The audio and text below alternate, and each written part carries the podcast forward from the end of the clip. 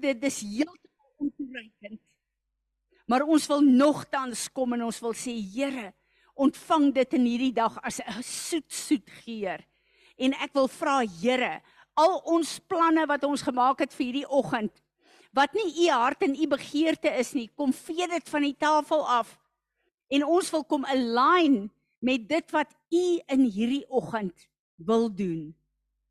Word verheerlik. Word verheerlik. Amen. Amen. Kom ons sit 'n bietjie, ek wil bietjie terugvoer gee van gister. Ehm um, gister was regtig waar vir ons 'n dag wat die Here net gekom het met 'n woord en ek het gevoel soos wat die Here ons bedien, het dit uitgegaan in die gees. So ek wil vir Piet en vir Rudolf vra, kom julle en gee net gou-gou so 'n nee doppie. Wat het julle getref gister van wat hier gebeur het? Ek moet vir julle sê as ek geweet het dit het gebeur, sou ek die hele gemeente gevra het om gister te kom en nie net die klankmense nie. Jy gaan dit sien sommer. Ja, gister was nou nie gister was nou nie 'n ding net vir klank gewees nie. Ek dink dit was baie meer as dit gewees en ek en Natasha en Erik as ons bid mos so nou en dan in of nie nou en dan nie, die eerste week van die eerste Vrydag van elke maand dan bid ons Vrydag aan die en ons het nogals gebid vir dit wat gister gebeur het en toe dit gister gebeur toe kyk ons vir mekaar en toe toe weet ons dis waarvoor ons gebid het. En wat vir my die meeste uitgestaan het van gister wat 'n mens nie aan dink nie is ons hoe ons 'n wanpersepsie van worship het en toe Anton vir ons sê hoorie sommer as ek hier instap en ek sien die blind is stikkend en ek maak die blind reg dis deel van worship en as ons in hierdie kerk inkom hierdie is die plek wat die Here vir ons gegee het. Ons moet sorg dat hy reg is, dat elke liewe dingetjie op plek is en reg is. Dis deel van worship. Dit gaan nie oor ons wat hier kom staan en sing nie. Dit gaan oor elke liewe een van ons stap hier in en ons moet sorg dat hierdie plek volgens ons God se hart is en dit is worship.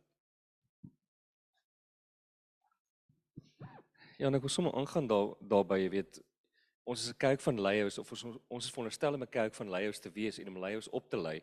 En dit beteken ons moet worship begin verstaan. Want worship en leierskap loop saam. En eintlik as ons nie daai servant servanthood van worship kan verstaan nie, gaan jy nooit 'n leier kan wees nie, want dit is dieselfde ding. Jy weet, dit is per definisie wat jou vat om jy weet 'n leier te kan wees en ek dink daai ding, die beginsels daarvan, jy weet, was nog of my baie ehm um, jy weet, het dit net eintlik 'n bietjie weer huis toe gebring, maar ons het dit opgeneem, so ek glo ons sal dit seker eendag van die tyd opsit dat julle daarna kan kan luister. Amen. Is daar iets wat jy wil byvoeg, Fanie en Tanya?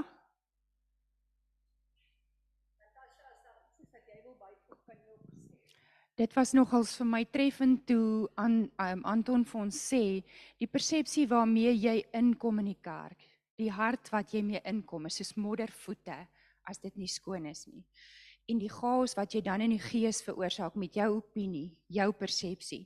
En dis dis 'n plek waar jy jouself neerlê voor God want jy is besig hier om om 'n om 'n vloer te bou vir Jesus om in te kom met die worship wat jy self vir hom bring.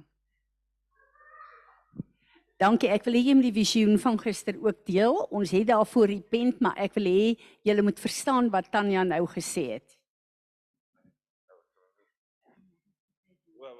Nee, 'n uh, ander ding wat ek net gister beleef het en dit het my so goed laat voel. Toe ons nou klaar is met alles, toe ons die groep wat oor is, die blinds probeer regmaak en hierso probeer regpak. Net nie dat ons is nie een van ons is 'n binnehuise versiering of ding. Tanya was daarom, sy het ons 'n bietjie gehelp. Was alles haar idees gewees hiervoor, nê? en toe ek sê vir hulle saam toe by die huis kom, hoe goed dit my laat voel het. Hoe net ek gevoel het hoor hierso, eers maar daar's iets anders te nou. Ek en dit is net 'n klompie mense wat iets saam gedoen het en dan voel jy hoorie maar hier verander iets heeltemal. En dan 'n ander ding, hulle het gister, ek kan nie onthou wie dit gesien nie, maar het hulle gesien dat 'n mens met moddervoete inkom. O, Piet, tel jou eie ding. Ek kan nie dit gee nie.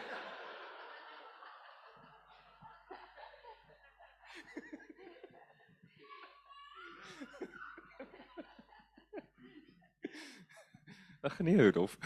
Ehm um, So wat ons hierso gebid het, het die en die Here vir my, jy weet, begin wys, jy weet hoe hoe ons elkeen met jy weet inkom, maar ons ons voete is vol modder en daar's 'n protokol by die deur om, jy weet, daar's 'n matjie waar jy jou voete kan skoonmaak en jy weet, daar's daar's 'n kapstok by die deur waar jy jou jas kan ophang.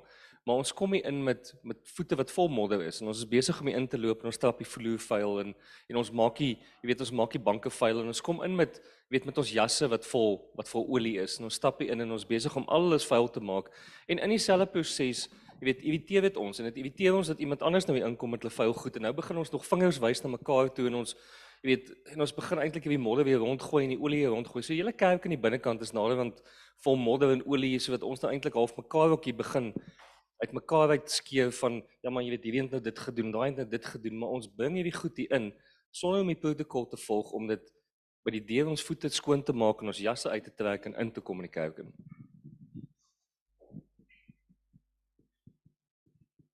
Ek was nou nie gister hierso nie, maar ek wil nou vir julle net sê wat het ek nou ervaar? Ek was nou ruk weg.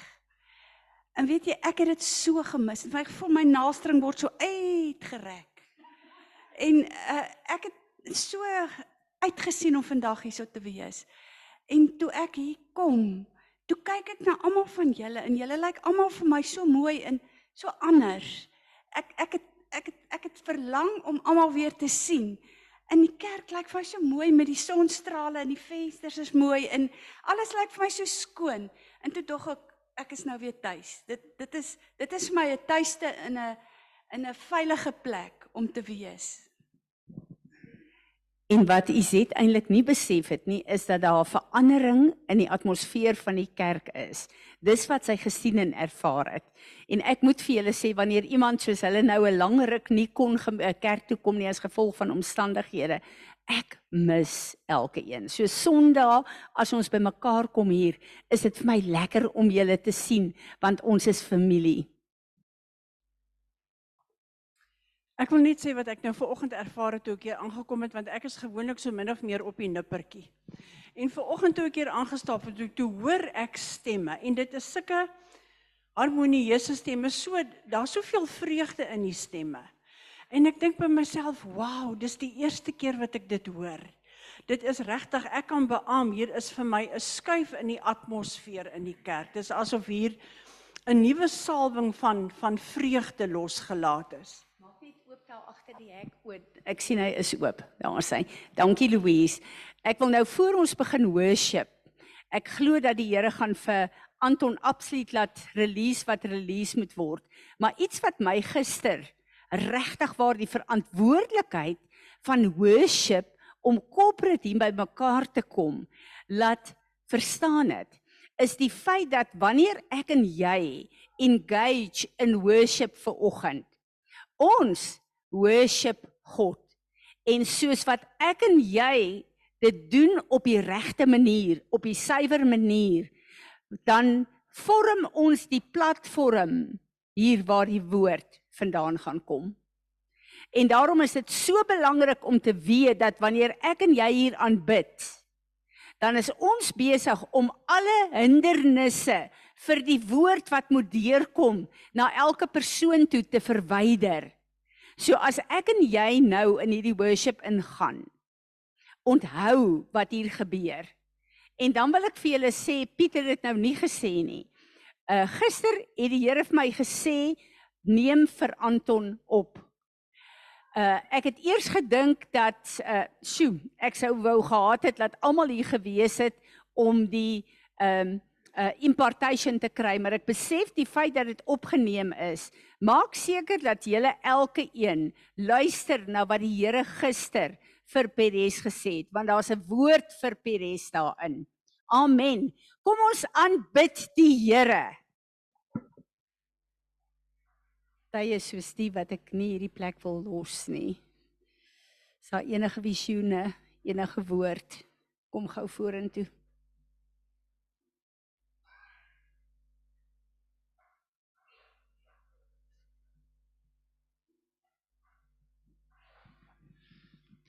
Soos wat ons worship sien ek hoe die hoe die Heilige Gees ons mis hier in die, in die kerk kan kom en hier, hier bo ons almal hawe. En ehm uh, ek sien ons almal se emosies en jy weet ons gedagtes en ons goed en baie van ons se emosies, jy weet, is dit maklik maar ek voel dit nie en ek jy weet ek voel maar net jy weet soos gister en ek is eintlik nie op so goeie plek nie en ek is jy weet en al die gedagtes en emosies wat in ons jy weet ons wat ons koppe aangaan en jy weet ek sien duidelik maar dit gaan nie oor emosies nie. Jy weet dit gaan nie dit is nie 'n bepalende faktor nie. Jy weet laat jy toe dat die Here in jou inkom en jou deur drink en en ons te kom verander. En en ek sien net daai jy weet soos wat die Heilige Gees oorkom daai blok wat jy weet wat party van ons kan hê maar ons voel dit nie. En nou sit ons met al die gedagtes jy weet en jy is besig om jouself eintlik met 'n stok te slaan en jy laat nie die Here toe om in te kom en jou te kom was nie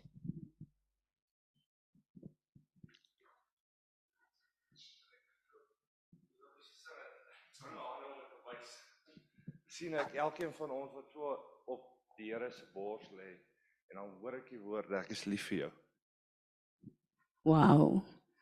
Ek het so 'n ervaring gevoel dat die Here persoonlik my aangeraak het ver oggend.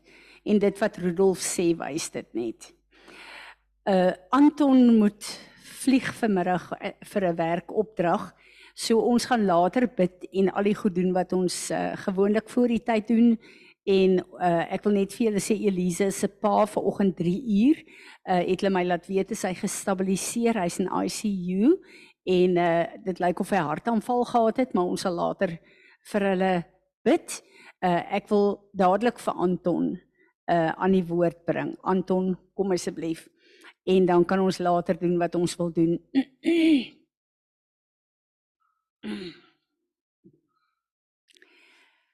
Vader, ek bid vandag dat U hom sal posisioneer en sal bekragtig. Al is hy 'n leier wat geoefen is om U woord te bring, bid ek dat 'n magtige wind deur hom sal waai en hy 'n verlenging sal wees van die begeerte van ons Vader se hart en van die kragwerking van Heilige Gees om ons vandag te bevrug en te verander sodat u naam verheerlik sal word. Amen. Dankie Tannie. Ek gaan net omring met dien. Môre julle. Van julle ken my, van julle ken my nie. Ehm um, Tannie Frans het my gevra ek moet vandag ehm um, of gister kom in die klankmanne 'n bietjie oplei op klank en needless to say ons het 3 kwart van die tyd spandeer op wat worship is en worship actually moet lyk. Like. Um en ons het baie min tyd spandeer in die klankopleiding. Maar ek voel net tannie Fransie het my gevra ek moet vandag bietjie met julle praat oor volharding en deursettingsvermoë. Dis 'n baie moeilike onderwerp om oor te praat. Um ek kan sê gelukkig het die Here my baie beproef in my lewe. Um ek staan hierso met 'n paar goeters agter my beld.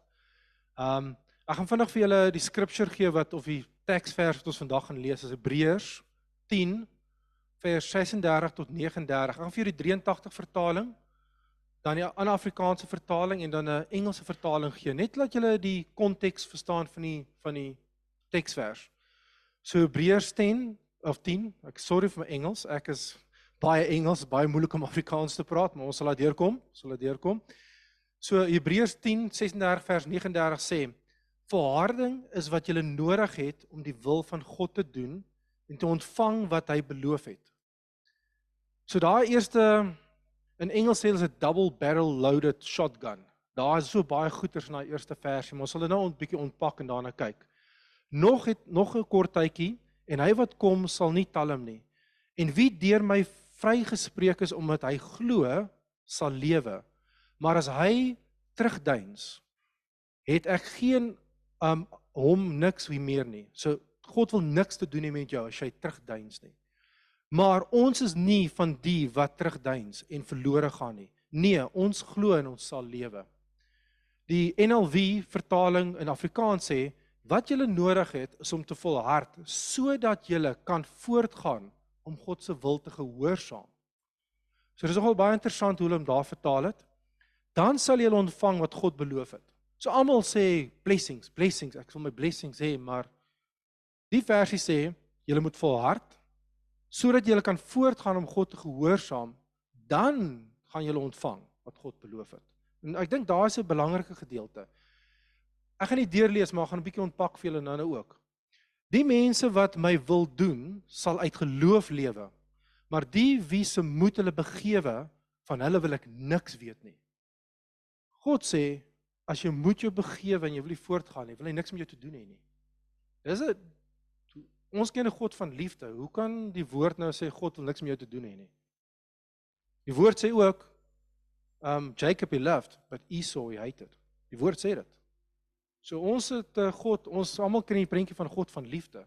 Maar ken ons die ander kant van God as ons aan die verkeerde kant van die wet staan? En ek dink dis waar ons 'n bietjie moet kyk vandag na. Die Engelse weergawe is um min of meer dieselfde. You need to persevere so that when you have done the will of God, you will receive what he has promised. And but my righteous one will live by faith. Wat baie vir my, daai sinnetjie is vir my baie mooi. The just shall live by faith is 'n ander vertaling ook van daai gedeelte. And I take no pleasure in the one who shrinks back. But he but we do not belong to those who shrink back and are destroyed, but to those who have faith and are saved. So ek gaan vlugtig my storie vir vertel van vlugtig want dit gaan inpas van waarheen ons gaan op hierdie stadium. Ek is 25 jaar in 'n klankbedryf wat klankkonserte doen op die Koppie, Rasa Valley, Splash Events, al die groot konserte wat jy ken, al die bekende bands mee gewerk oorgegaan audiovisual gedoen, boardroom installasies gedoen, al die groot banke. Ehm um, jy gaan in die boardroom in, druk 'n knoppie, die gordyne gaan oop, die skerms gaan aan, die ligte gaan aan, al daai gedoen. Klank gedoen, al die groot recording studios in die land waar al die groot recording artists rekord het. Sterk Unicorn in die Metro, Metro al die cinemas, daai klank is al my goeders, al die stadions in die land wat ek gedoen het, al die groot kerke se klank. En deur my journey deur die jare het almal na my toe kom en sê Anton kom werk by my, kom werk by my. En ek het op 'n punt gekom van maar hoe gebeur dit? My CV is nie daar buite nie. Dit moet God se hand wees. Maar ek was nie 'n gelowige nie. Ek het nie daai tyd ek was 'n gelowige. Ehm um, ek het geglo en in 97 het die meisie wat ek verlief was in 'n karongeluk oorlede en daar het ek alles weggegooi. En in 2010 het ek my lewe weer vir die Here gegee. In 2011 het ek Edel Gate gejoin en van daar af die pad gestap en toe kom ek agter maar is God se hand deur al die jare op my lewe gewees. En as ek terugkyk op dit en ek kyk op alles, dan kyk ek by die vorige maatskappy waar ek was. Um in 20 2020 daar begin. En daai maatskappy het vir my gesê, "Oké, okay, ek's employee nommer 5, drie direkteure, sales house, ek's tegnies, kom ons bou die maatskappy op en 10 jaar later in 12 was ons die grootste audiovisual maatskappy in die land. Hulle is nog steeds die grootste maatskappy in die land. Ek het alles gedoen. Van employee nommer 5 tot 120 mense in een maatskappy gegroei. En toe ek wil sê, okay ouens, ek wil drukskeerskap hê, ek wil dit koop, sê hulle vir my, nee, dankie. Geniet jou dag. Jy gaan nooit drukskeerskap kry nie, nooit aandele kry nie. Dink ek maar dis dis onregverdig. Ek kan die maatskappy help bou. Sekerlik kan ek koop. Sê hulle, nee, sorry. Ek is baie ongelukkig. Ek daaroor gaan huil. En ehm um, ons het daaroor gebid in Ariel Gate.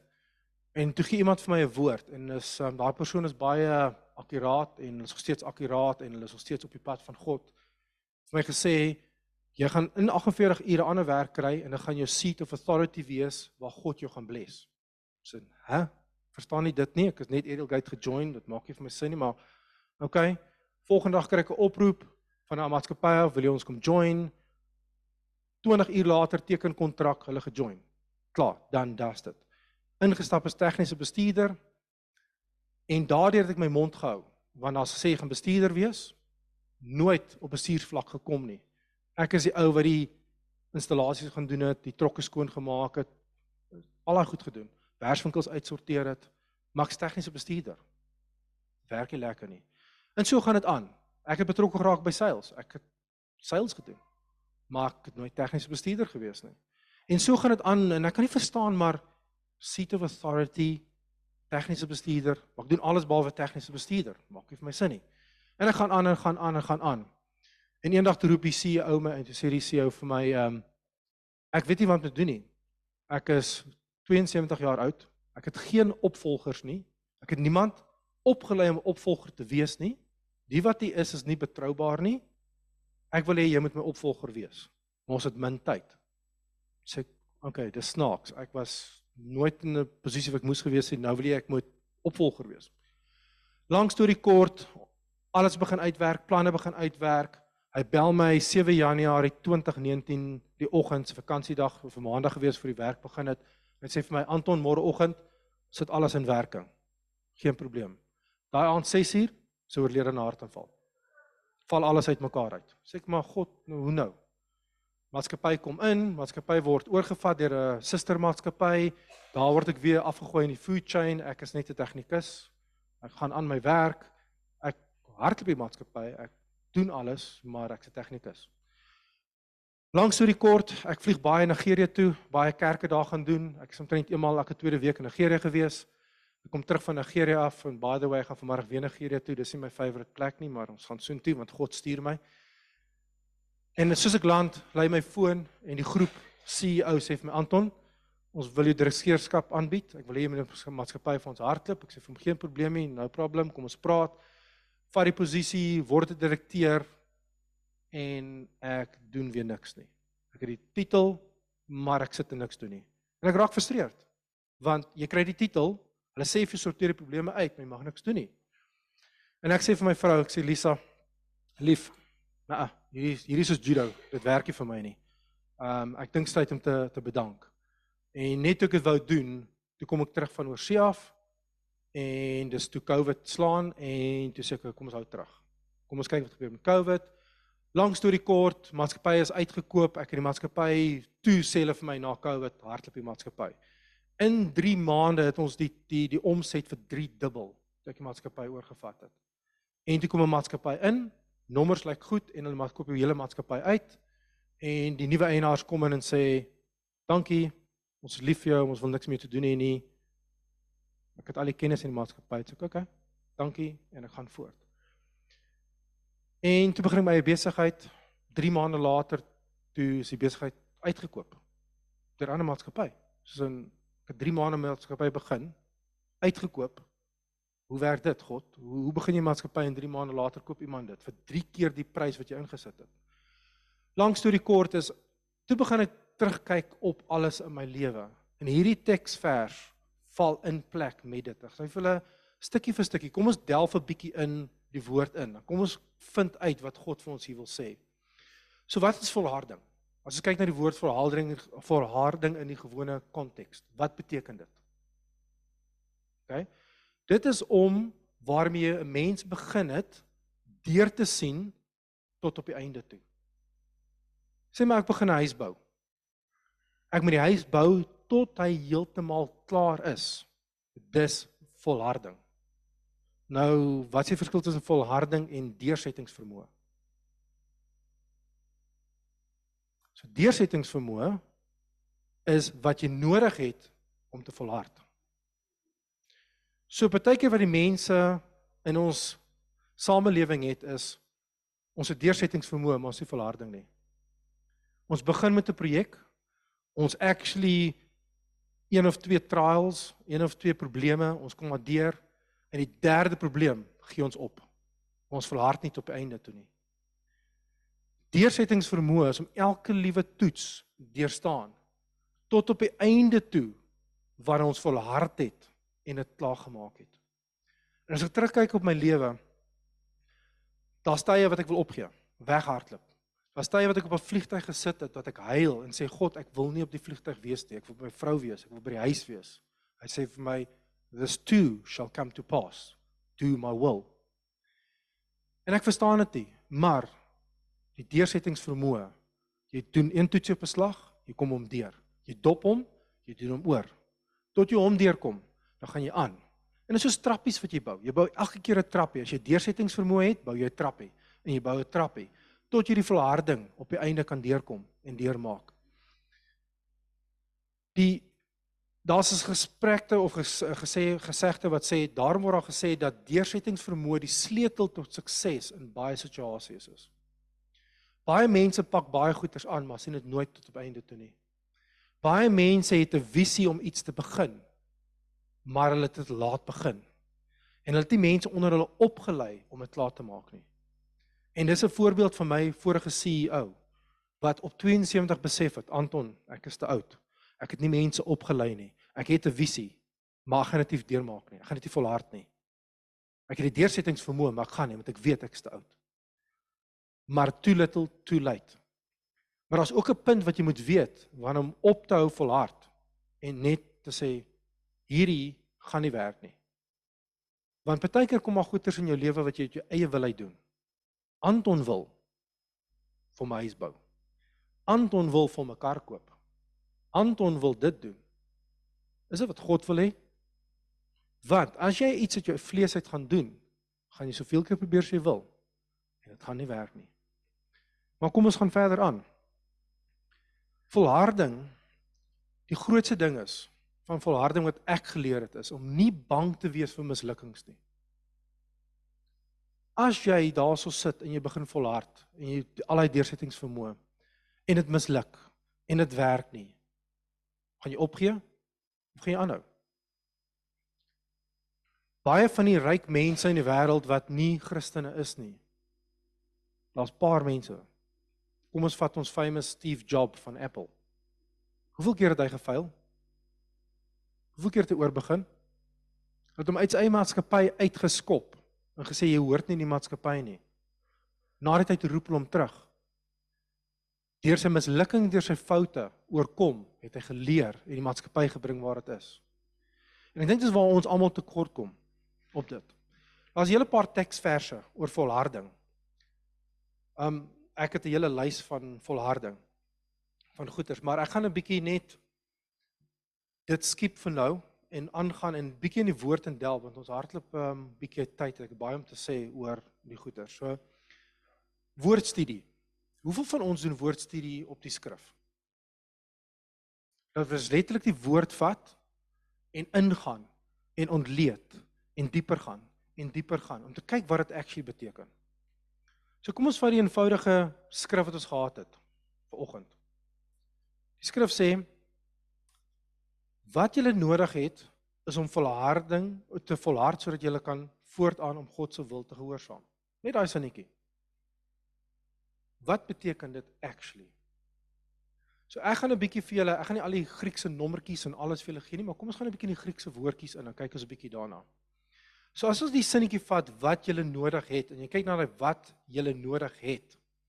Die Griekse woorde vir daai beteken dis 'n vereiste of 'n gebrek. So jy vereis om die volgende te hê of jy het nie daai gedeelte om te doen wat jy nodig het nie. OK. Om te volhard is baie interessant. As jy kyk na die woord volhard, Ek gaan die Engelse gedeelte en dan Afrikaanse gedeelte vir julle gee. Endurance. Ons almal ken volharding se endurance. So as jy 'n wedloop hardloop, moet jy volhard. Jy moet endure want jy sien daar's die eindstreep. Jy kan nie, maar jy volhard want jy wil 'n eind, eindstreep maak. Dis endurance. Dis volharding. 'n Ander woord van dit is geduld. Patience. Hoeveel van ons met geduld met ander mense om ons? Hoeveel mense, hoeveel van ons het geduld met die proses om in 'n maatskappy te sit waar jy weet jy's aangestel as 'n bestuurder, maar jy maak jou vloere skoon. Hoeveel van ons het die geduld om die proses te volg om te vorm binne ons wat gevorm moet word. OK? Die volgende ene is um hierdie wil niemand hoor nie, maar om beproewinge deur te gaan trials and tribulations. Dis dieselfde woord om te volhard. Maar niemand wil daai gedeeltes gaan lees nie. Hoeveel van ons sodra die lewe maklik of moeilik raak dan hardloop ons weg en sê nee, nee, hierdie is nie vir my nie. Nee, dis wat God my geroep het voor nie. Ons almal ehm um, sukkel met goeie in ons lewe. Daar's 'n doring in die vlees. Maar baie vandag is dit beproewinge. Selfs Paulus het gesê, as Paulus gesê het ek te vlees uh, doring in my vlees. Hy het beproef. Hy's een van die disippels gewees en hy sê ek het doring in my vlees, ek word beproef. Maar ons as mense hardloop weg van beproewing af. 'n Ander woord vir dit is standvastigheid. Hoeveel van ons as die storm slaan is standvastig? Hoeveel van ons is standvastig vir die mense om ons. Hoeveel van ons is standvastig in ons familie? Ons familie gaan deur 'n moeilike tyd, maar ek moet standvastig wees. Hoeveel van ons kyk na die standvastigheid, volharding? En dit hou nie vir altyd aan nie, ouens. Dink net so daaraan, dis 'n seisoen. Dis 'n kort periode. En soos God vir my op die vliegtyg gesê het, this too shall come to pass. As jy op 'n punt sit en jy voel jy kan nie meer nie, praat met God en sê vir hom, God, ek kan nie meer nie, maar met u krag kan ek. Met u krag kan ek volhard. Met u krag en standvastigheid kan ek dit doen. So wat's ons standvastigheid in ons lewens? Jesus Christus, die kruis. Dis een standvastige kruis in die grond wat nie kan beweeg nie. Dis 'n kruis wat staan wat Jesus op is wat gesterf het vir ons wat nie kan beweeg nie. Die vyand kan daai nie beweeg nie. So as ons standvastigheid soek, waar in hardloop ons? Kruis toe. Jesus toe. Hoeveel van ons hardloop eerder weg in steede van die kruis toe? Hoeveel van ons wanneer daar beproewinge kom en ons sukkel met sekere goed in ons lewe, alkohol, sigarette, pornografie, hardloop ons weg, maar nie kerk toe nie. Waar's Christus? U. Wie's Christus? Ons. So wie sit hier so in die banke? Christus. Ons is Christus. In steede van hierna te hardloop en sê ouens help my. Hier's ek kort lig in my lewe. Hardloop ons weg van die kruis af. Ons almal wat hier sit is Christus, almal is die kruis. En dis wat ons almal miskyk. Ek doen dit self. Want wat gebeur? It's second nature. Baie hardloop ons weg. En dan volharding beteken volhard. Soos jy moet deursien tot einde toe. Maar 'n ander gedeelte van volhard beteken om te ly. Niemand wil dit hoor nie. Vat vir Jesus. Het hy volhard tot op einde toe? Het hy gelei op die kruis vir ons? Volharding en ly is dieselfde ding. Maar ons wil nie ly nie. Ons wil nie daar sit en suffer nie, soos die Engels sê, ons wil nie suffer nie. Want ons wil 'n lekker lewe hê. Maar partykeer moet ons suffer om daai goed om ons af te breek. Om daai goed op ons te breek, om deur te breek na die volgende vlak toe. Nou, as jy kyk na hierdie woorde, uithou vermoë, geduld, beproewinge, standvastigheid, volharding, dit laat dink my aan die vrugte van die Gees. Dit dit dit lei vir my 'n selfe klokkie. Dit is nie dieselfde nie, maar dit vir my lei dit 'n selfe klokkie. En die vrugte van die Gees is um liefde, vreugde, geduld, vriendelikheid, goedhartigheid, getrouheid, volharding, getrouheid, vrugte van die vee, uh, van die Gees. Dit kom deur. En dis in Galasiërs 5:22 vir die wat dit wil neerskryf. Die belangrikste deel van van volharding wat almal mis en is in hierdie Griekse woord is to stay in a given place or to stay in a given relationship or to stay in a given expectancy. OK? Dis om in 'n gegeewe plek of 'n gegeewe verhouding of 'n gegeewe area te bly. Ons almal as dit vinnig is, ek hou nie meer van die werk nie. Nee, hierdie mense is nie lekker met my by die werk nie. Ek soek ander werk. Nee, nee, nee, nee. As God jou geroep het, of jou gesê het jy is deel van die werk, ek gee vir jou die werk, doen dit. Nie meer gaan ander werk soek nie, want dan gaan jy dieselfde beproewinge gaan. Die, you going around the mountain, the same, going in circles. Toe ek die woord gekry het van this is your seat of authority, you will be leading, you'll have favor on your life. Hey, stap ek in, breë bors, ek is tegniese bestuurder. Ek doen alles behalwe dit. Ek het vir 10 jaar daar gebly. 10 jaar. Tot die dag en datum. Ek het 1 Oktober 2012 daar begin en ek het 30 September 2022 klaar gemaak daar. 10 jaar tot die dag en die datum. My vorige maatskappy 10 jaar tot die dag en die datum. Partykeer stuur God jou na kerk toe. En God sê vir jou moet deel wees van Perez. Maar nee, ek hou nie van nee, hierdie mense praat te veel repentance. Hierdie mense is te veel in die gees. Hierdie mense, uh, ek hou nie van dit nie. As God jou geroep het om hier te wees, moet jy hier wees. As God jou roep en sê jy's hier vir 'n seisoen om opgelei te word, moet jy hier wees. Ek is geroep na Ariel Gate toe. En waar het ek begin by Ariel Gate? Servant. Ek is nog steeds tot my vandag toe 'n servant. Ek is nou vir die laaste maand gevra om te die woord te bring. En ek is nou van daar van 2011 af. Dis 12 jaar. Dis governmental. Nou kom dit neer. Maar jy serve, jy serve en jy dien. So die ding is wat mense verstaan is om 'n gegeewe plek te bly of 'n verhouding te bly. So ek dink ons mis die punt 'n bietjie. So volharding vereis uithou vermoë. Wat wat kweek uithou vermoë. As jy kyk na uithou vermoë, wat kweek wat kweek uithou vermoë? Wat wat dryf uithou vermoë om 'n 'n 'n substance te word as mens daarna kyk? Geduld. Jy moet geduld hê. Nie jou tyd nie, God se tyd. Ons almal wil dit nou hê. I want my blessing now. I want my riches now. Nee, dit as ek na kerk toe gaan in Amerika, I claim my blessing, I frame my blessing. Wat het jy gewerk vir dit? Het jy gewerk vir dit? Het jy geserve vir dit? Het God jou geroep om dit te kry? En dis geduld. Om beproewinge te ondergaan, om standvastig te wees en toegewy te wees. Toewyding is een van die goeders wat ek min deesdae sien mense. Jy kry mense wat soos die wind waai, 'n blaartjie in die wind, dan s'hulle hierso, dan s'hulle daarso, dan s'hulle daar, dan kom hulle terug na die ronde toe want hulle is nie happy met daai nie, hulle sê happy met daai nie. Toewyding, standvastigheid. Dis ding wat die mense in die samelewing kort vandag. So ek gaan hierdie laaste stukkie met jou los voor ek um, bietjie goeters vir jou na die volgende versie toe gaan. Jy kies 'n beroep, maar jy ontvang 'n roeping. Luister mooi. Jy kies 'n beroep, maar jy ontvang 'n roeping. 'n Beroep is 'n werk. Ek kies om 'n klankingenieur te wees. Ek kies om 'n fashion designer te wees.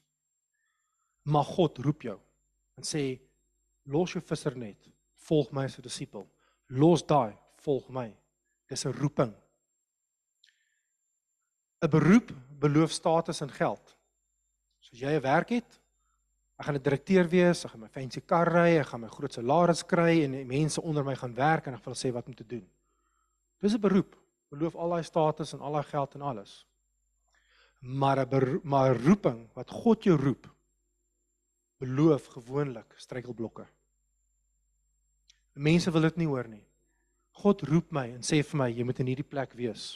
Anton, jy moet by hierdie maatskappy gaan werk. Dis your seat of authority. Struikelblok na struikelblok na struikelblok. En ek het moeg geraak vir dit. Ek het keelvol geraak vir dit. Maar 10 jaar later het ek my beloning gekry. En toe sê God vir my, "Nou kom, nou is jy reg. Nou kan jy skuif. Doen dit vir my."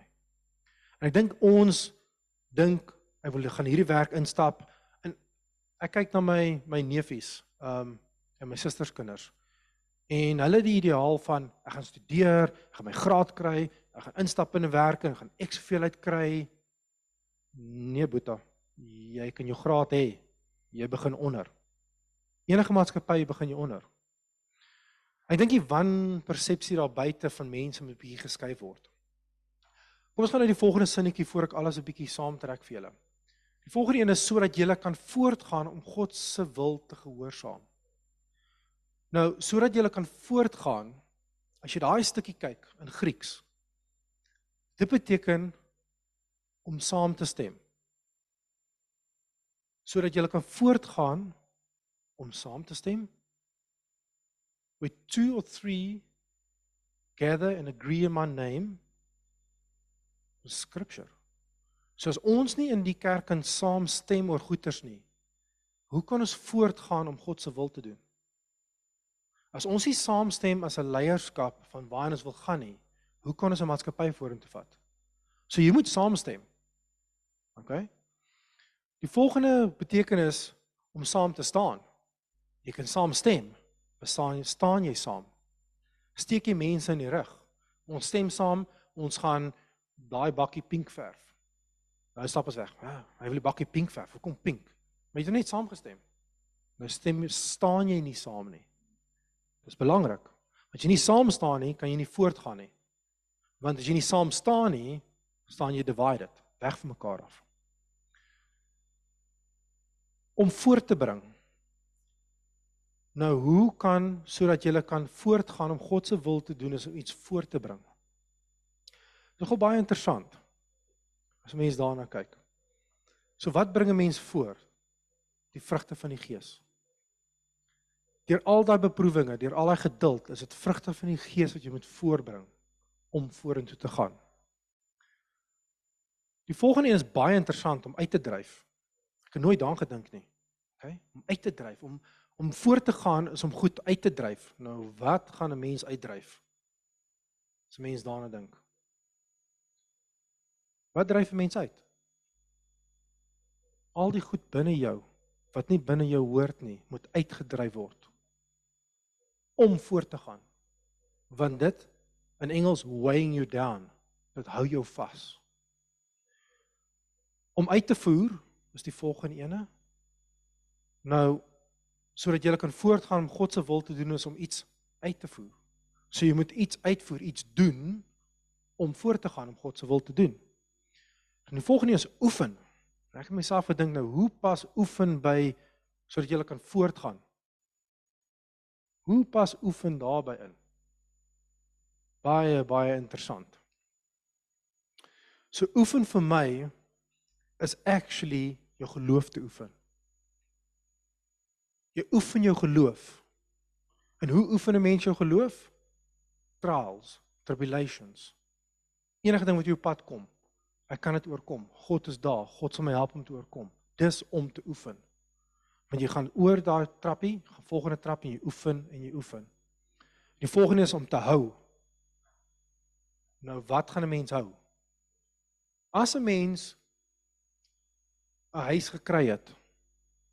Om die huis te hou, moet ek elke maand my paemente betaal. So wat moet ek elke maand betaal om my geloof te hou? Wat moet ek betaal om wat ek gekry het in die gees te hou? Dink 'n bietjie mooi oor daai ene. Wat moet ek betaal? Watse prys moet ek betaal? Ek het sopas besluit ek gee my lewe vir God. Ek is van 'n sondaar af na Christen toe. Wat moet ek doen om daai geloof te hou? Ek gaan nie antwoorde vir jou gee nie. Jy kan 'n bietjie self oor daai en mooi gaan dink. Wat kos dit my om daai te hou? En elkeen gaan anders te wees. Elkeen gaan anders te wees om daai koste te betaal. En dan die, die, die volgende een het my heeltemal gegooi. In Engels is to lighten the ship. Die skip ligter te maak. So sodat jy kan voortgaan om God se wil te doen, beteken jy moet die skip ligter maak. So dink 'n bietjie mooi oor wat hulle bedoel daarmee. Wat maak 'n skip swaar? 'n Vrag. Is dit 'n goeie vrag? 'n Slegte vrag? Is dit 'n las wat jy dra wat jy nie moet dra nie? Of is dit 'n las wat iemand anders op jou gesit het? Of is dit 'n las wat God vir jou gesit het om jou te toets? So om die skip ligter te maak, so ontslae te raak van die las wat jy dra. So hoe raak mens slaaf van die las? Jy repent. Jy bely jou sonde. En die volgende een het hou baie nou verband met die skip ligter te maak is om gesuiwer te word. Purification. Hoe purify yourself? Repentance. So deur purification kan jy skip ligter maak wat baie interessant is. En obviously God se wil te gehoorsaam. God se wil is sy desires, sy begeertes, sy wil. Um en die snaakse gedeelte van daai is God se wil is om vir God plesier te gee. Dit is baie interessant om vir God plesier te gee. So waar staan dit in die scripture ons gee vir God plesier?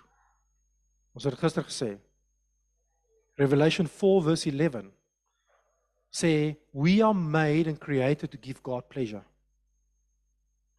So om God se wil te doen, gee ons vir God plesier. En ons is gemaak om vir God plesier te te gee. So as ons nie vir God plesier gee nie, doen ons nie sy wil nie. Dis baie interessant. So kom ons lees die skrip, die die scripture of die versie weer oor. Ons lees die Engels en dan lees ons die Griekse betekenis met die Griekse woorde wat ek nou net vir julle gegee het, okay? So normaalweg sê ons Wat julle nodig het is om te volhard sodat julle kan voortgaan om God se wil te gehoorsaam. Kom ons sit die Griekse woorde daarin. Julle gebrek aan uithou vermoë. Julle gebrek aan geduld. Julle gebrek aan standvastigheid. Julle gebrek om beproewinge te ondergaan en julle gebrek om te ly. Verhoed jou om saam te stem. Verhoed jou om voor te gaan. Verhoed jou geloof te beoefen. Verhoed jou om iets wat jy het te ontvang het te behou en standvastig te hou.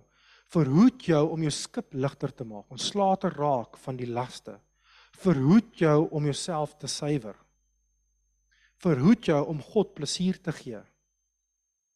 Deur God se begeertes nie uit te leef nie en nie God se wil te doen nie. So kom ons kondens daai nog 'n bietjie meer.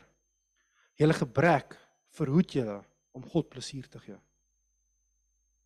So as jy teruggaan in die Grieks in en jy lees daai sinnetjie en jy lees die Grieks, 'n hele ander betekenis op daai gedeelte.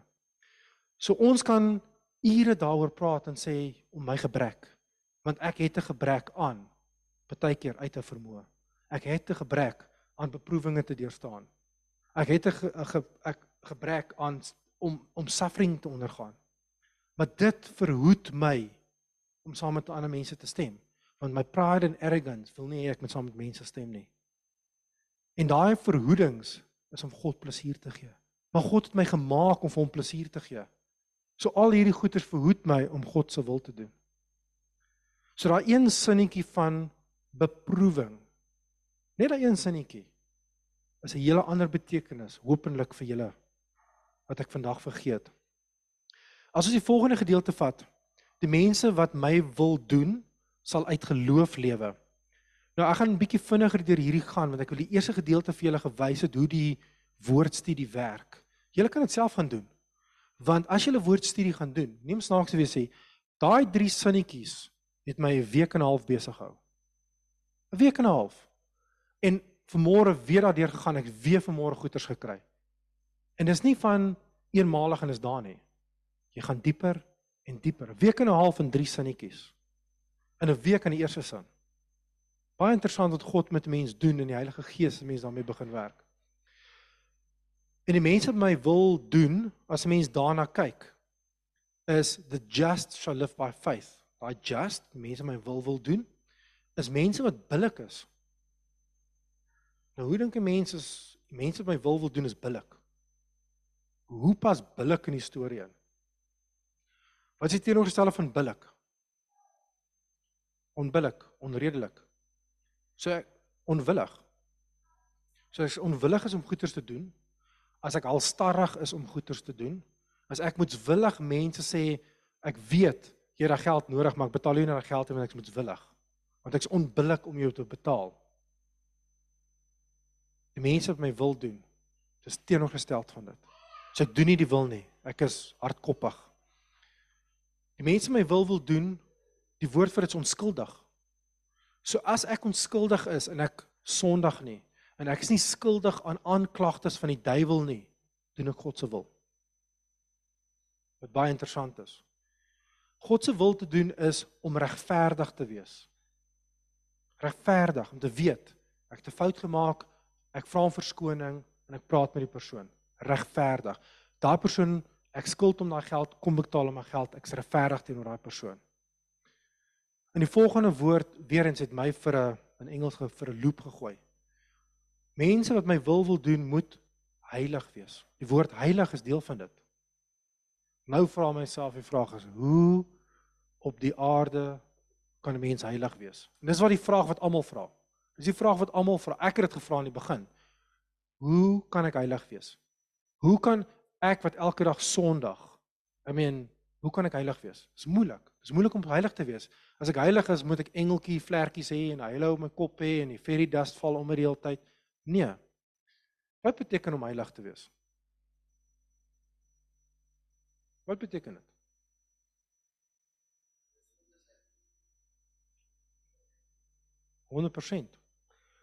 So om heilig te wees ouens is om te besluit elke liewe keer Gaan ek hierdie koekie steel? Gaan ek nie die koekie steel nie. Gaan ek hierdie movie kyk? Gaan ek nie die movie kyk nie. Dis 'n besluit. En as jy daai besluit gemaak het, dan besluit ek ek stem vir God of ek stem vir die duiwel. As jy daai besluit maak, begin jy in die heilige rigting inbeweeg want ek besluit vir God. Dan kan ek na God toe gaan en sê God, ek oordeel myself. Ek judge myself want ek het hierdie gesondig. Ek het hierdie verkeerd gedoen. Ek het daai koekie gesteel. Ek het daai movie gekyk wat ek nie moes gekyk het nie. So om heilig te wees, is om elke dag te kyk van wat jy doen, doen jy dit vir God of doen jy dit nie vir God nie? Is dit in God se wil of is dit buite God se wil? En dit is hoe mens heilig leef. En om deur dit te doen, elke dag 'n besluit te maak, beweeg jy in 'n heiliger posisie in. Dis waar dit gaan. Dit is 'n it's a it's a gradual process. Is nie 'n proses van ek's heilig nie.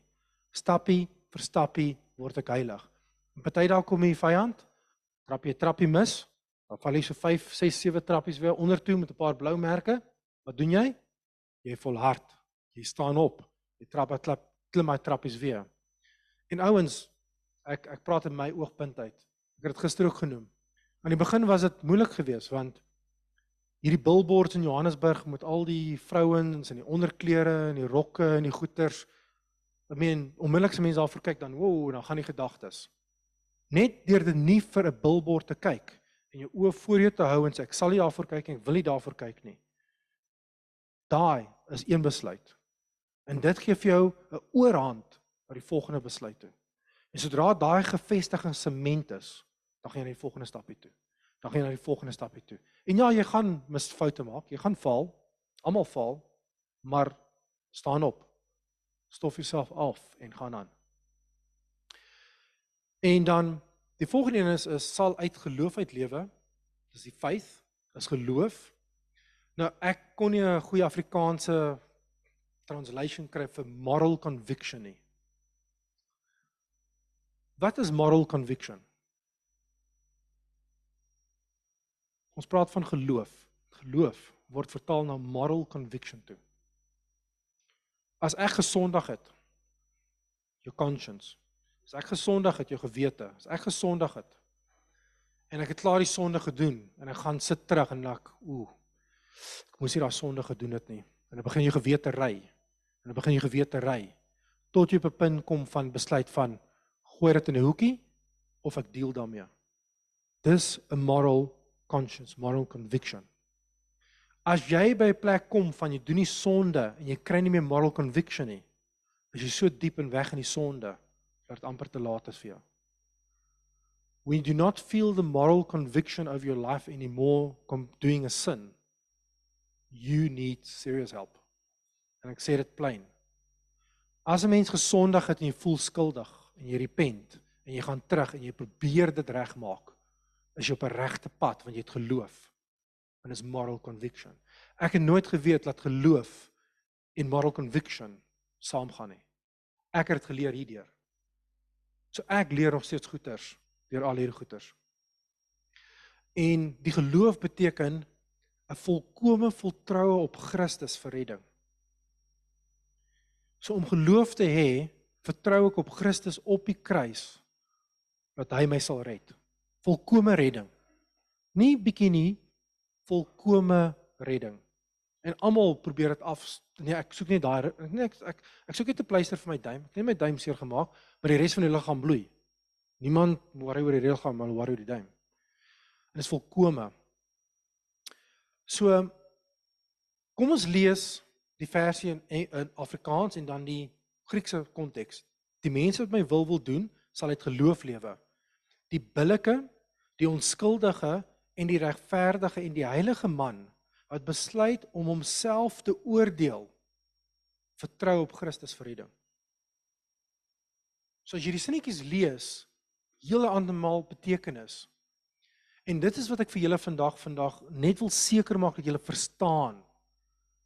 Daar is soveel diepte in die woord van Jesus, van Christus, in die Bybel wat ons moet lees, wat ons gaan deurgaan. So vir my die die volgende stukkie is maar die wie se moed hulle begewe. Dis vir my belangrik. Want hoeveel van ons het al opgegee? Ek steek my hand op. Ek het al opgegee. OK. Maar die wie se moet hulle begewe, van hulle wil ek niks weet nie. Ons het net gehoor van Rudolf wat sê die vader sê met die kop op die bors, ek's lief vir jou. Hy sê as jy moet jou begewe, wil ek niks met jou te doen hê nie. So ons almal kan in daai mode gaan van I'm loved, I'm blessed, I'm saved, maar ek doen nie God se wil nie. As jy God se wil doen nie, die vraag is hy wil niks met my te doen hê nie. And the scripture said, but did I know you? You preached miracles, signs, wonders, but did I know you? En hierdie gedeelte is, maar die wie se moet hulle begewe beteken om iets weg te steek. Nou die vraag is as jy moet jou begewe, wat steek jy weg? Watse sondes daar in jou lewe wat jy wegsteek? Wat's daar iets in jou lewe wat jy vir jou mederhelfte wegsteek? Wat is daar wat jy vir God wegsteek? Dan God sien alles. Wie steek dit weg vir hom? So as jy vir God iets wegsteek, dan begewe jy moet jou. Dan die volgende gedeelte is toe om te onttrek. En wat het ek net nou gesê? Christus is almal in ons. Christus is by ons. Deur nie kerk toe te kom nie, onttrek jy jouself. Dan begewe jy moet jou. En as jy moet jou begewe, sê God, ek wil niks van jou weet nie. As jy nie jou demons kan face nie en uitkom nie, steek jy goeders weg. En dis vir my baie belangrik as mens daarna kyk. En jy's tevrede met minder. Maar die wie se moet hulle begewe, beteken jy's tevrede met minder. Daai het my heeltemal laat dink op 'n stadium. Why settle for less? Why? Why do you want to settle for less? Maar baie van ons sit hier so, ek het my werk, ek kry my inkomste, ek het my vrou, ek het my kinders of ek het my man en my kinders. Ek is happy. Ek hoef nie te worry nie, ek hoef nie hard te werk nie. Ek gaan kerk toe elke Sondag nou en dan. Is tevrede met minder. Hoekom? Hoekom is jy tevrede met minder? Ek is op 'n punt waar ek meer van God soek elke dag. Want meer van hom beteken minder van my. Hoekom moet ek minder tevrede wees? God is alles. God is krag, God is rykdom. God is hy, hy het my geskape. Ek wil hom hê. Hoekom moet ek tevrede wees minder? Hoekom moet ek tevrede wees met die bietjie wat ek het? As jy in jou calling stap, sal God die res oopmaak. Maar hoekom is jy tevrede met die minder? En tannie Fransie het gister iets baie interessant gesê is, "Why are you happy with the manna if you do have the milk and the honey?" Die Israeliete in die woestyn het gekla en gekla, "Ons is moeg vir die manna, gee vir ons kwartels." Gee God vir hulle kwartels. So baie dat hulle siek word van die kwartels. Maar as ons ongelukkig. Hulle klere in die woestyn het nooit uitgeweer nie. Hulle skoene het nooit uitgeweer nie, maar hulle het kom plein. Hoekom komplein ons? Want ons kyk nie na God nie. As na God kyk, dan sal alles in plek val. Ek weet hoekom daai rigting afgegaan het nie, maar ek het daar afgegaan, jammer.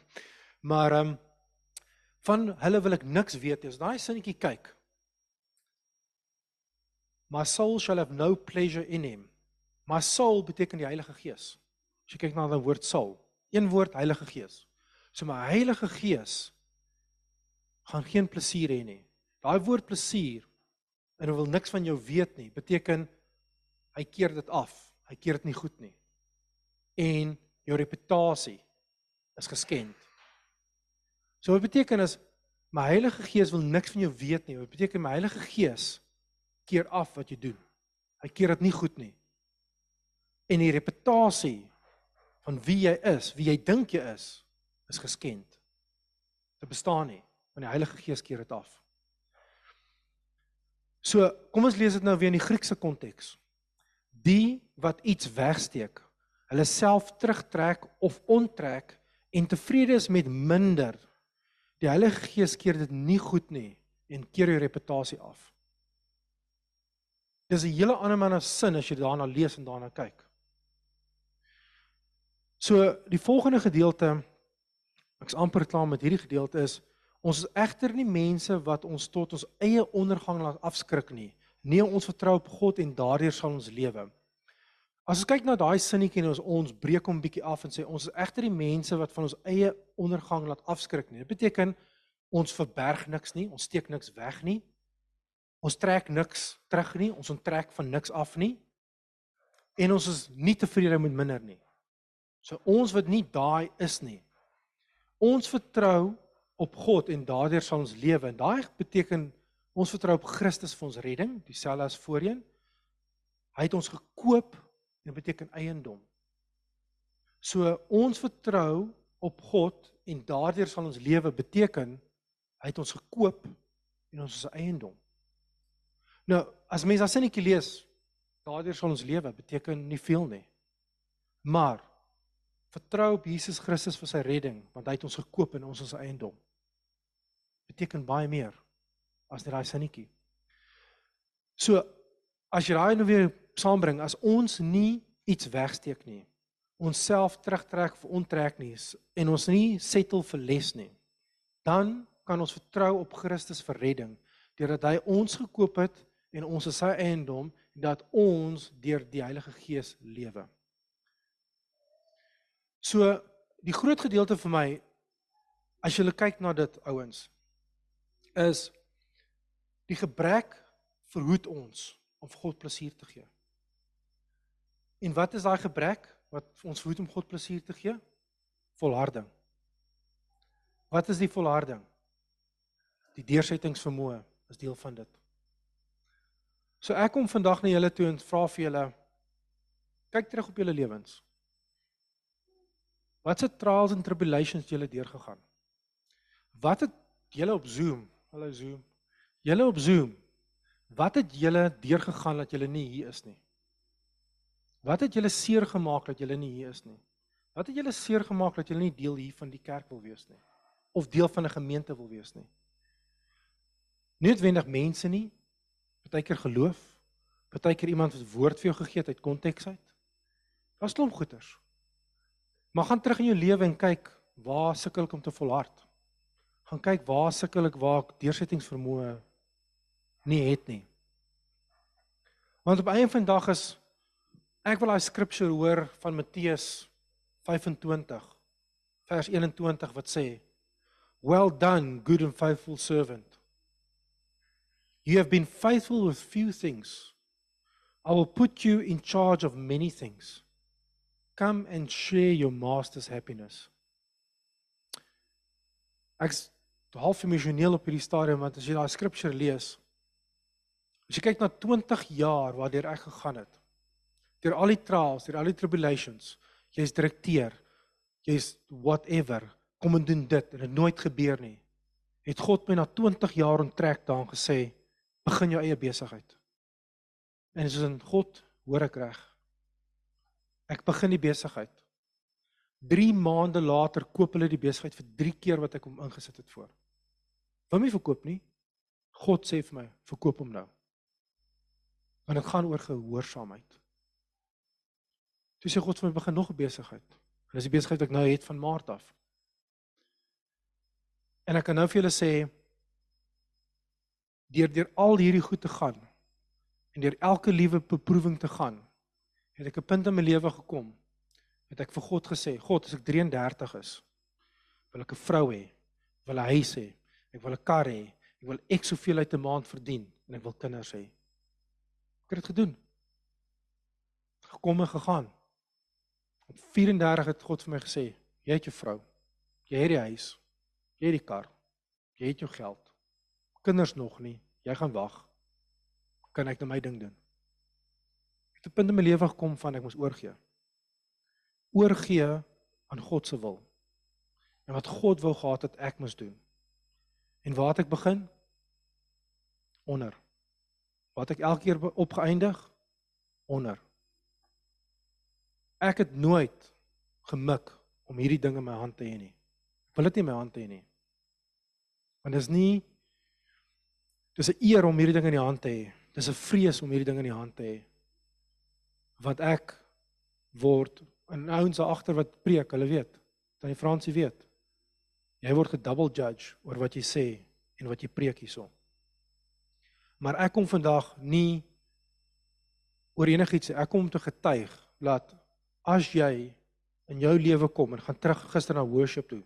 Ons link terug in die worship gedeelte in. As jy hier is om God te dien en jy gee alles vir God, maar ek sê alles. En jy besluit om God te loof en te prys en God te worship deur sy werk te doen, sal hy vir jou sorg. Daar's nie 'n dag wat ek hoor my bankbala bankbalans nie. Ek kyk nie my bankbalans nie. Die geld is daar. Ek moes nou donderdag 'n oproep gekry sê jy vlieg Sondag na Nigeria toe. Lagos is nie my favourite plek nie, mense. Ek het gebid God vir my gesê jy gaan gaan. Daar's werk wat jy nie klaar gemaak het nie, wat jy moet gaan klaarmaak. En wat is die snaakste ding van alles? My ou paspoort het 'n visa van Nigeria wat geldig is tot Oktober die jaar.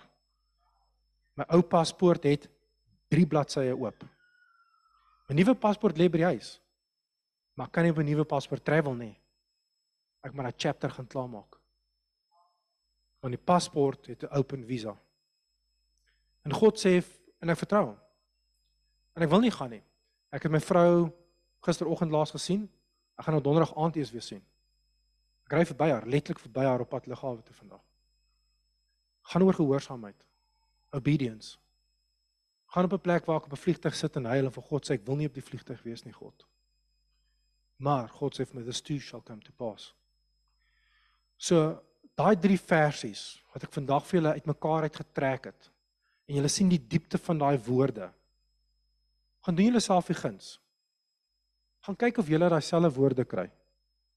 Gaan deur die skrif gaan kyk of julle kan diep delf en kyk wat ek gekyk het. Want die Heilige Gees gaan vir julle iets anders te sê. Want wie ek as Anton is en wie julle as mense is, is nie dieselfde nie. Julle gaan soortgelyke riglyne wees wat julle kan miskien opsien. Maar jy gaan 'n woord kry wat jy gaan skrik voor. Garandeer jou dit. Doen dit jouself daai guns.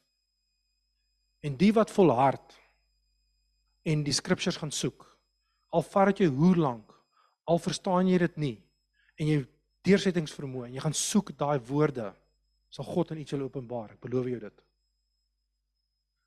Hierdie skrif wat ek sis woord studie doen. Van 2011 het ek begeer om dit te doen. Ek het dit geleer, ek het dit geleer, ek het dit geleer, ek het dit geleer. Oefen, oefen, oefen, oefen. Waar ek op 'n punt nou kom, die Heilige Gees sê vir my, kyk na daai woord, kyk na daai woord. Nie omdat die Heilige Gees my like nie. I've done my part. Ek het my huiswerk gedoen. Maar beteken ek hou op nie.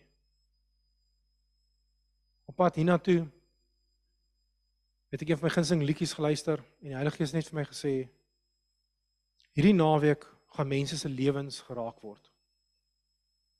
En daar's 'n boodskap vir iemand hierso vandag wat ek weet nie wat dit is nie, maar julle dink julle moet opgee, maar julle moenie opgee nie.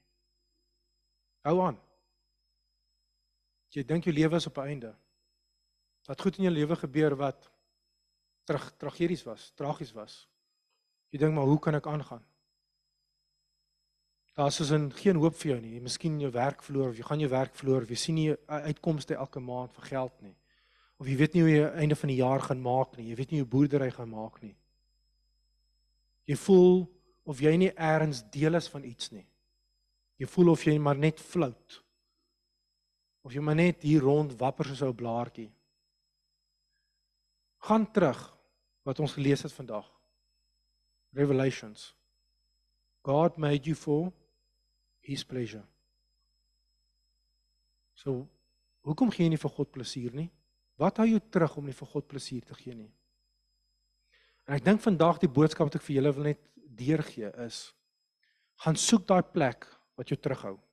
Gaan soek daai plek wat nie vir God plesier gee nie. Maar gaan deursettingsvermoë en volharding vat. Dit het my 25 jaar gevat om te kom waar ek vandag is. Is dit verby? Nee. Begin dit nou eers? Ja. Ek is nou 45. Ek het nog my lewe voor my. God het bepaal hoe lank my lewe gaan wees. Hoop hooplik tot in die 90s toe. Hooplik in die 100s. As God my môre terugroep, het ek my werk gedoen. Niemand van ons wat hier sit weet wanneer ons tyd is nie. Ek onthou tannie Willa 'n paar jaar terug met tannie se verjaardag tannie woord gegee. En die vrugte is hier vandag. Volharding. So ek wil vir tannie honor vandag. Volharding. Dit is emosioneel vir my want dis ek weet wat dit is. Ek weet wat dit vat. Om Ruben honor oom. Volharding. Daar is elders wat in die huis staan. So die vraag is gaan God vir jou sê, "Well done, good and faithful servant." Of God gaan God vir jou sê, "I don't know you. Go away from me." So wat ek vir julle vandag wil sê is ek het iets met julle gedeel van my lewe. Ek hoop dit het 'n impak in julle lewe gehad. En ek hoop ek het julle 'n bietjie geleer van woordstudie. Wat dit beteken om gaan die woord te gaan soek. Nie net aanvaar wat ek sê nie, nie net aanvaar wat aan die Fransie sê nie, nie net aanvaar wat die ouens wat die voor staan sê nie.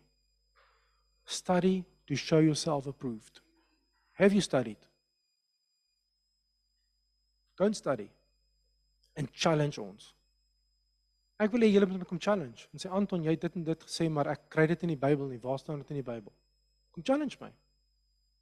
Want dis hoe ek leer. Ek is mens, ek maak fout. En ek ken nie al die scriptures nie. So wat ek julle vandag vra is and study. Die woord vanoggend Piet het gesê, julle is huis van leiers. Hoe word mense leier? You start by serving. As jy huis van leiers is, dien en bedien. Moenie bedien word nie. Moenie vra om bedien te word nie. Moenie wag om bedien te word nie. Bedien. Maak saak wie jy is nie. Bedien. Ek kyk vir mamma en pappa Barotte van Lesotho. In hulle 80's en hulle bedien. Bedien, bedien. Hulle bid gereeld consistent deursettingsvermoë. Daai twee weet ek so hier staan gaan Matteus 25 kry. Hulle gaan dit kry. So die vraag is, julle het presidente in julle lewe. Julle het voorbeelde in julle lewens. Julle het seniors in julle lewe wat vir julle kan wys hoe word dit gedoen. Volg julle die voorbeeld. Dis die vraag. En ek dink vandag die grootste vraag is gaan eksamen jouself. Gaan kyk na jouself. Gaan studie die woord. Gaan kyk na Hebreërs 10 36 tot 39. Gaan lees hom weer. Gaan doen jou woordstudie. En judge yourself. En sê God, ek is ek val. Ek is te kort. Ek kom by niks van hierdie uit nie. Ek weet, ek val kort. Ek weet ek is skiet kort. Maar hoe probeer ek? Aanhouer wen. Deursettingsvermoë. So ek los dit by julle vandag. En ek gaan teruggee vir tannie Fransie. So dankie vir julle tyd.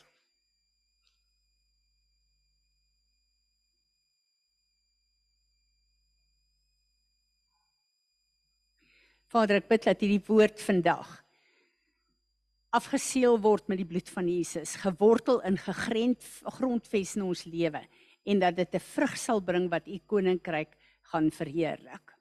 Amen. Vader, ons wil vir Anton release. Anton, ons, ons release jou. Laat jy ry. Geef my 'n hak asseblief.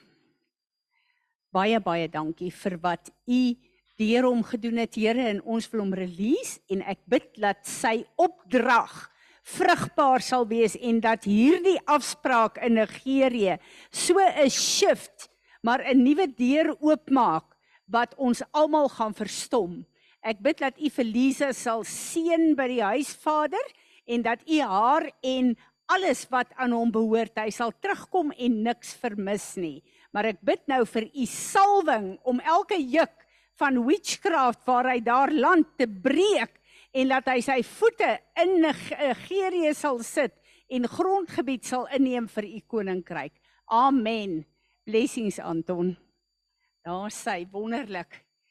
Julle ek uh, wil vir julle sê Piet sal jy hom net vergesel uit buite toe. Ek wil vir julle sê ehm um, ek gaan volgende Sondag gaan ek aangaan want die Here het vir my so 'n woord gegee wat vloei op dit wat uh, Anton gedoen het. Nou ons gaan praat oor geloof en ons verstaan van geloof. Maar die skrif wat Anton ver oggend gebruik het, uh gaan ek nie lees nie want ek wil hê ons moet aangaan met ons goed, maar dis in 1 Korintiërs 2 uh vers 4 tot 6. Maak 'n nota daarvan en gaan maak 'n studie by die huis, want hierdie woord sê die feit dat ek en jy ver oggend hier fisies is, beteken daar is goed in ons almal wat die Here gebruik om mekaar te bedien. En dit is hoekom dit so belangrik is om Sondag hier te wees, om met ons byeenkomste hier te wees, want hierdie is die huis van die Here. En ons kan nie die huis van die Here verwaarloos in ons eie huise bou nie. Want in die huis van die Here is die Here besig om sekere goed in ons lewe uit te sorteer. Want wanneer ek sê Stelly of uh, uh, François of Sanet, dan sê ek dit nie sommer net om 'n naam te noem nie. Ek staan hier onder leiding van die Heilige Gees en wanneer ek hulle name noem, is ek besig om te konnekteer met wat in hulle lewe is op hierdie stadium wat ons in hierdie plek nodig het. So ons is hier om hom te dien. Servanthood is hoekom ek en jy hier is om hom te dien. En Anton het 'n wonderlike ding gister daaroor oopgemaak. Luister asseblief daarna, maar gaan lees hierdie skrif en uh, ek dink dit was regtig waar vir my 'n wonderlike skrif. Bella? Uh 1 Korintiërs uh 2 van vers 4 tot 6. 1 Korintiërs ehm um, Ja, 1 Korintiërs 2 vers 4 tot 6. Daar sê maar ek sal volgende week 'n bietjie aangaan daaroor ook.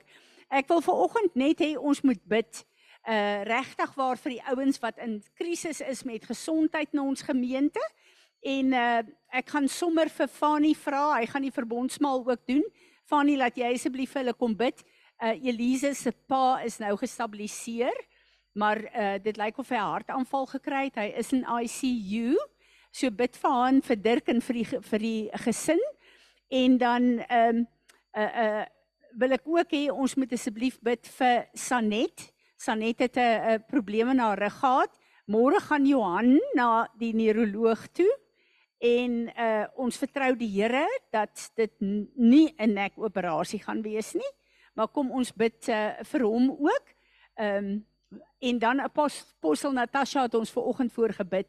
Sy het ehm um, gordelde roos en dit gaan in haar sinusse en haar keel ook in. So sy is regtig siek. Laat ons dit vat ook.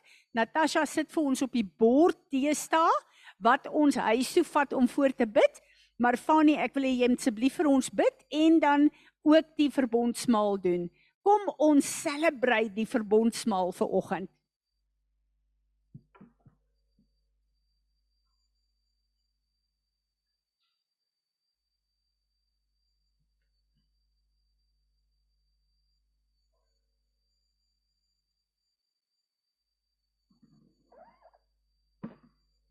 Here God, ek dankie dat ons hier voor U kan staan, Here. Dankie dat ons die mense wat in ons gemeente is, Here, en die mense wat na in ons hart is, Here, voor U kan opdra wat siek is, Here. Dankie vir Elise pa dat ons kan vra dat sy dat hy ook volkome herstel, Here, na die hartaanval, Here. Dankie dat ons ook kan vra dat U saam met Sanet sal gaan, Here, dat haar rug ook volkome sal herstel. En saam met Johan, Here, wat neuroloog toe moet gaan, laat dit ook wonderbaarlik sal genees sommer op pad so intoe Here dat daar niks fout sal wees nie Here. Here ons kom vra ook vir u genade met oom François Here dat u hom ook naby sal wees Here in sy beproewings wat hy elke dag deurmaak Here en ons dankie vir sy voorbeeld wat hy vir ons gee Here. Dankie dat ons ook kan vra dat u sy pyn volkome sal wegvat Here. Here dankie dat ons ook kan vra om dat u saam met my ma sal gaan en dankie vir die herstel wat daar reeds by haar is Here. Here, dankie dat ons ook kan vra dat U saam met apostel Natasha sal gaan, Here. En daai gordelroos uit haar liggaam uit sal wyk, Here, so vinnig soos wat dit ingekom het, Here, want sy is in u diens, Here, en sy is lewe volgens u wandel, Here. Ons dankie vir u genade en die goedheid en die guns, Here. Amen.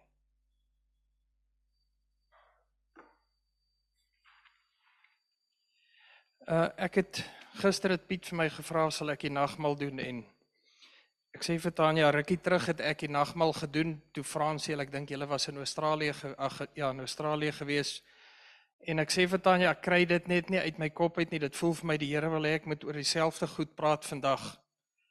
En uh so daarom gaan ek vir julle weer lees 1 Korintiërs 11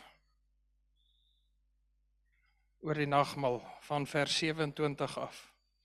Elkeen wat op 'n ongepaste wyse die brood eet of uit die beker van die Here drink, sal skuldig wees aan die sonde teen die liggaam en die bloed van die Here. Maar elkeen moet eers homself ondersoek voor hy van die brood eet of uit die beker drink.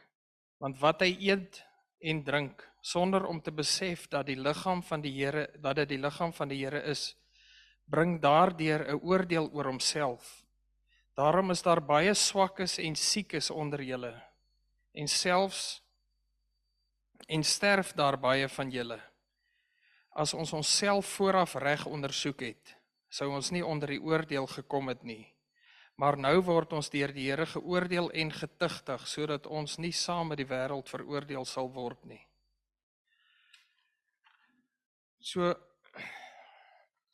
ek dink 'n mens word in 'n in in 'n ding vasgevang laat mense ek wil amper sê dat jy dog om die nagmaal gebruik is is 'n wonderwerk om skoon te wees.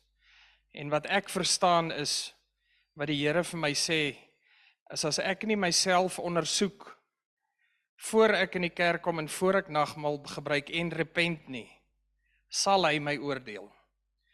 So dit is vir my eintlik 'n dit maak my eintlik bang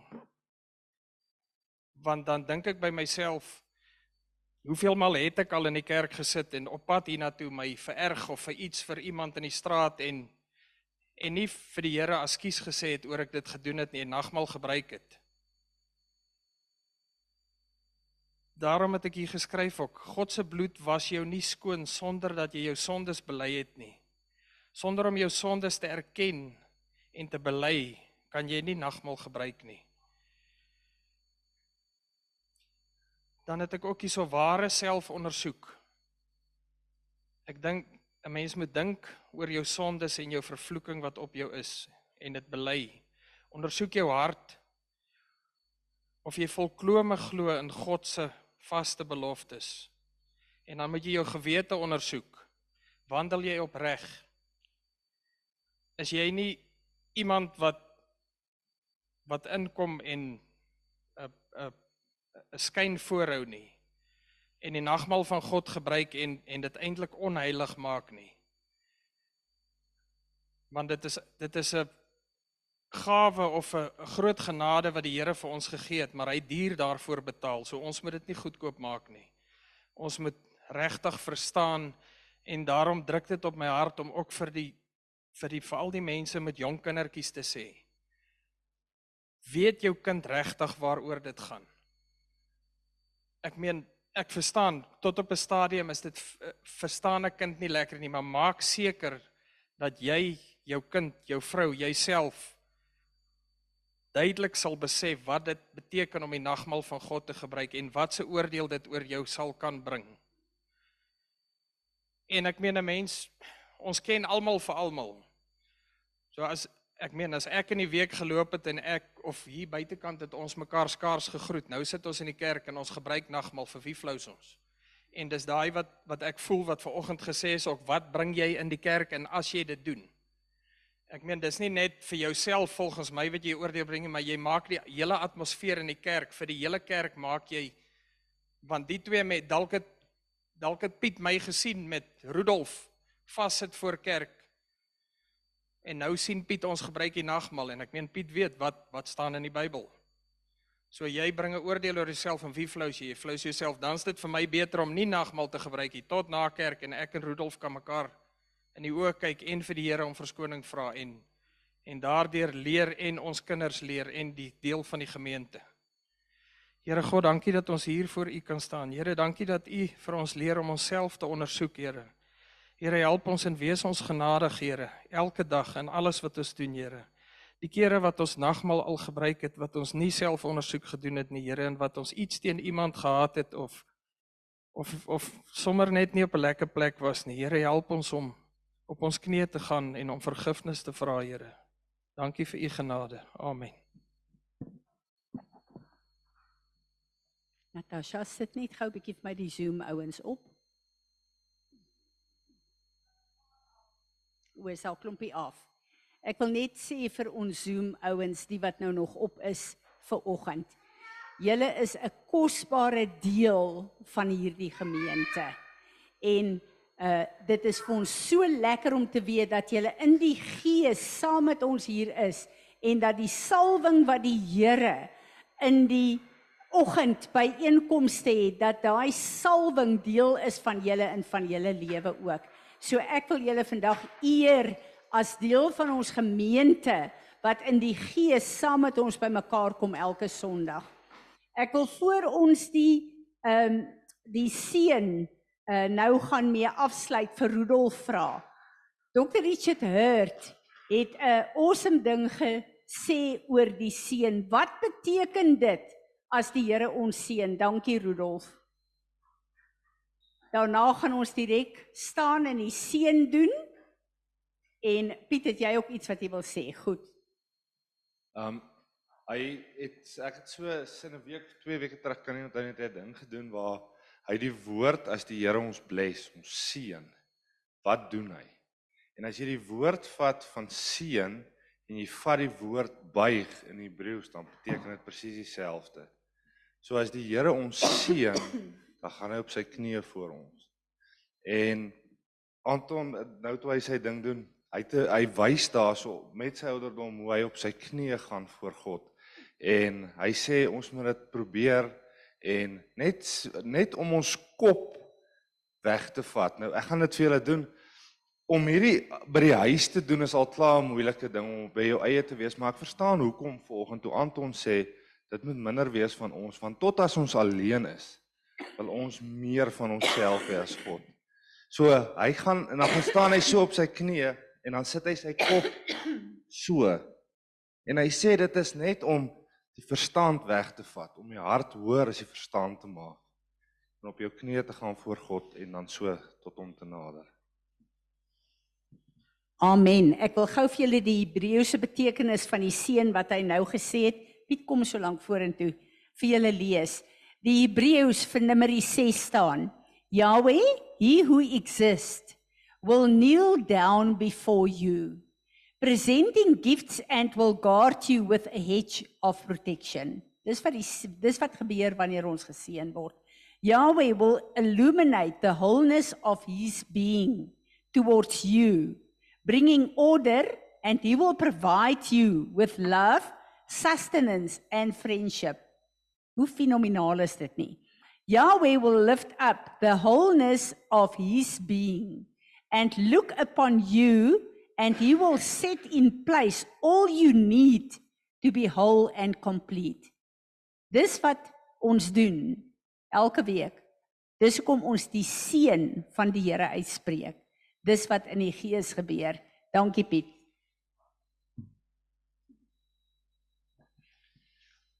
Soos wat Fanie ge, ge, gebid het, jy weet, begin ek sien dat die Here die die engele opdrag gegee om besems hier te begin uitpak. In die stom besems hier voor, die stom besems hier teen die kant en jy weet die stof lê in die kerk en die die modder en al die al die vuil goed en en die Heilige Gees hover hier bo oor ons en die krag is daar vir ons.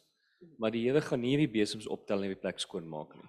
Dis vir elkeen van ons om daai om 'n besem te vat en te begin skoon maak.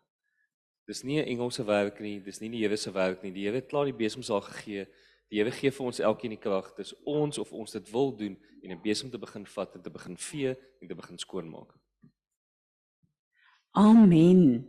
Dit voel vir my regtig die Here het ons elke een na 'n plek toe opgeroep waar ons 'n keuse het. Hoe gaan ons God verder van hier af in hierdie gemeente dien. Dankie Natasha. Kom ons staan en ontvang hierdie ontsaglike voorreg van hierdie seën van die Here en dan gaan ons in sy vrede van hier af.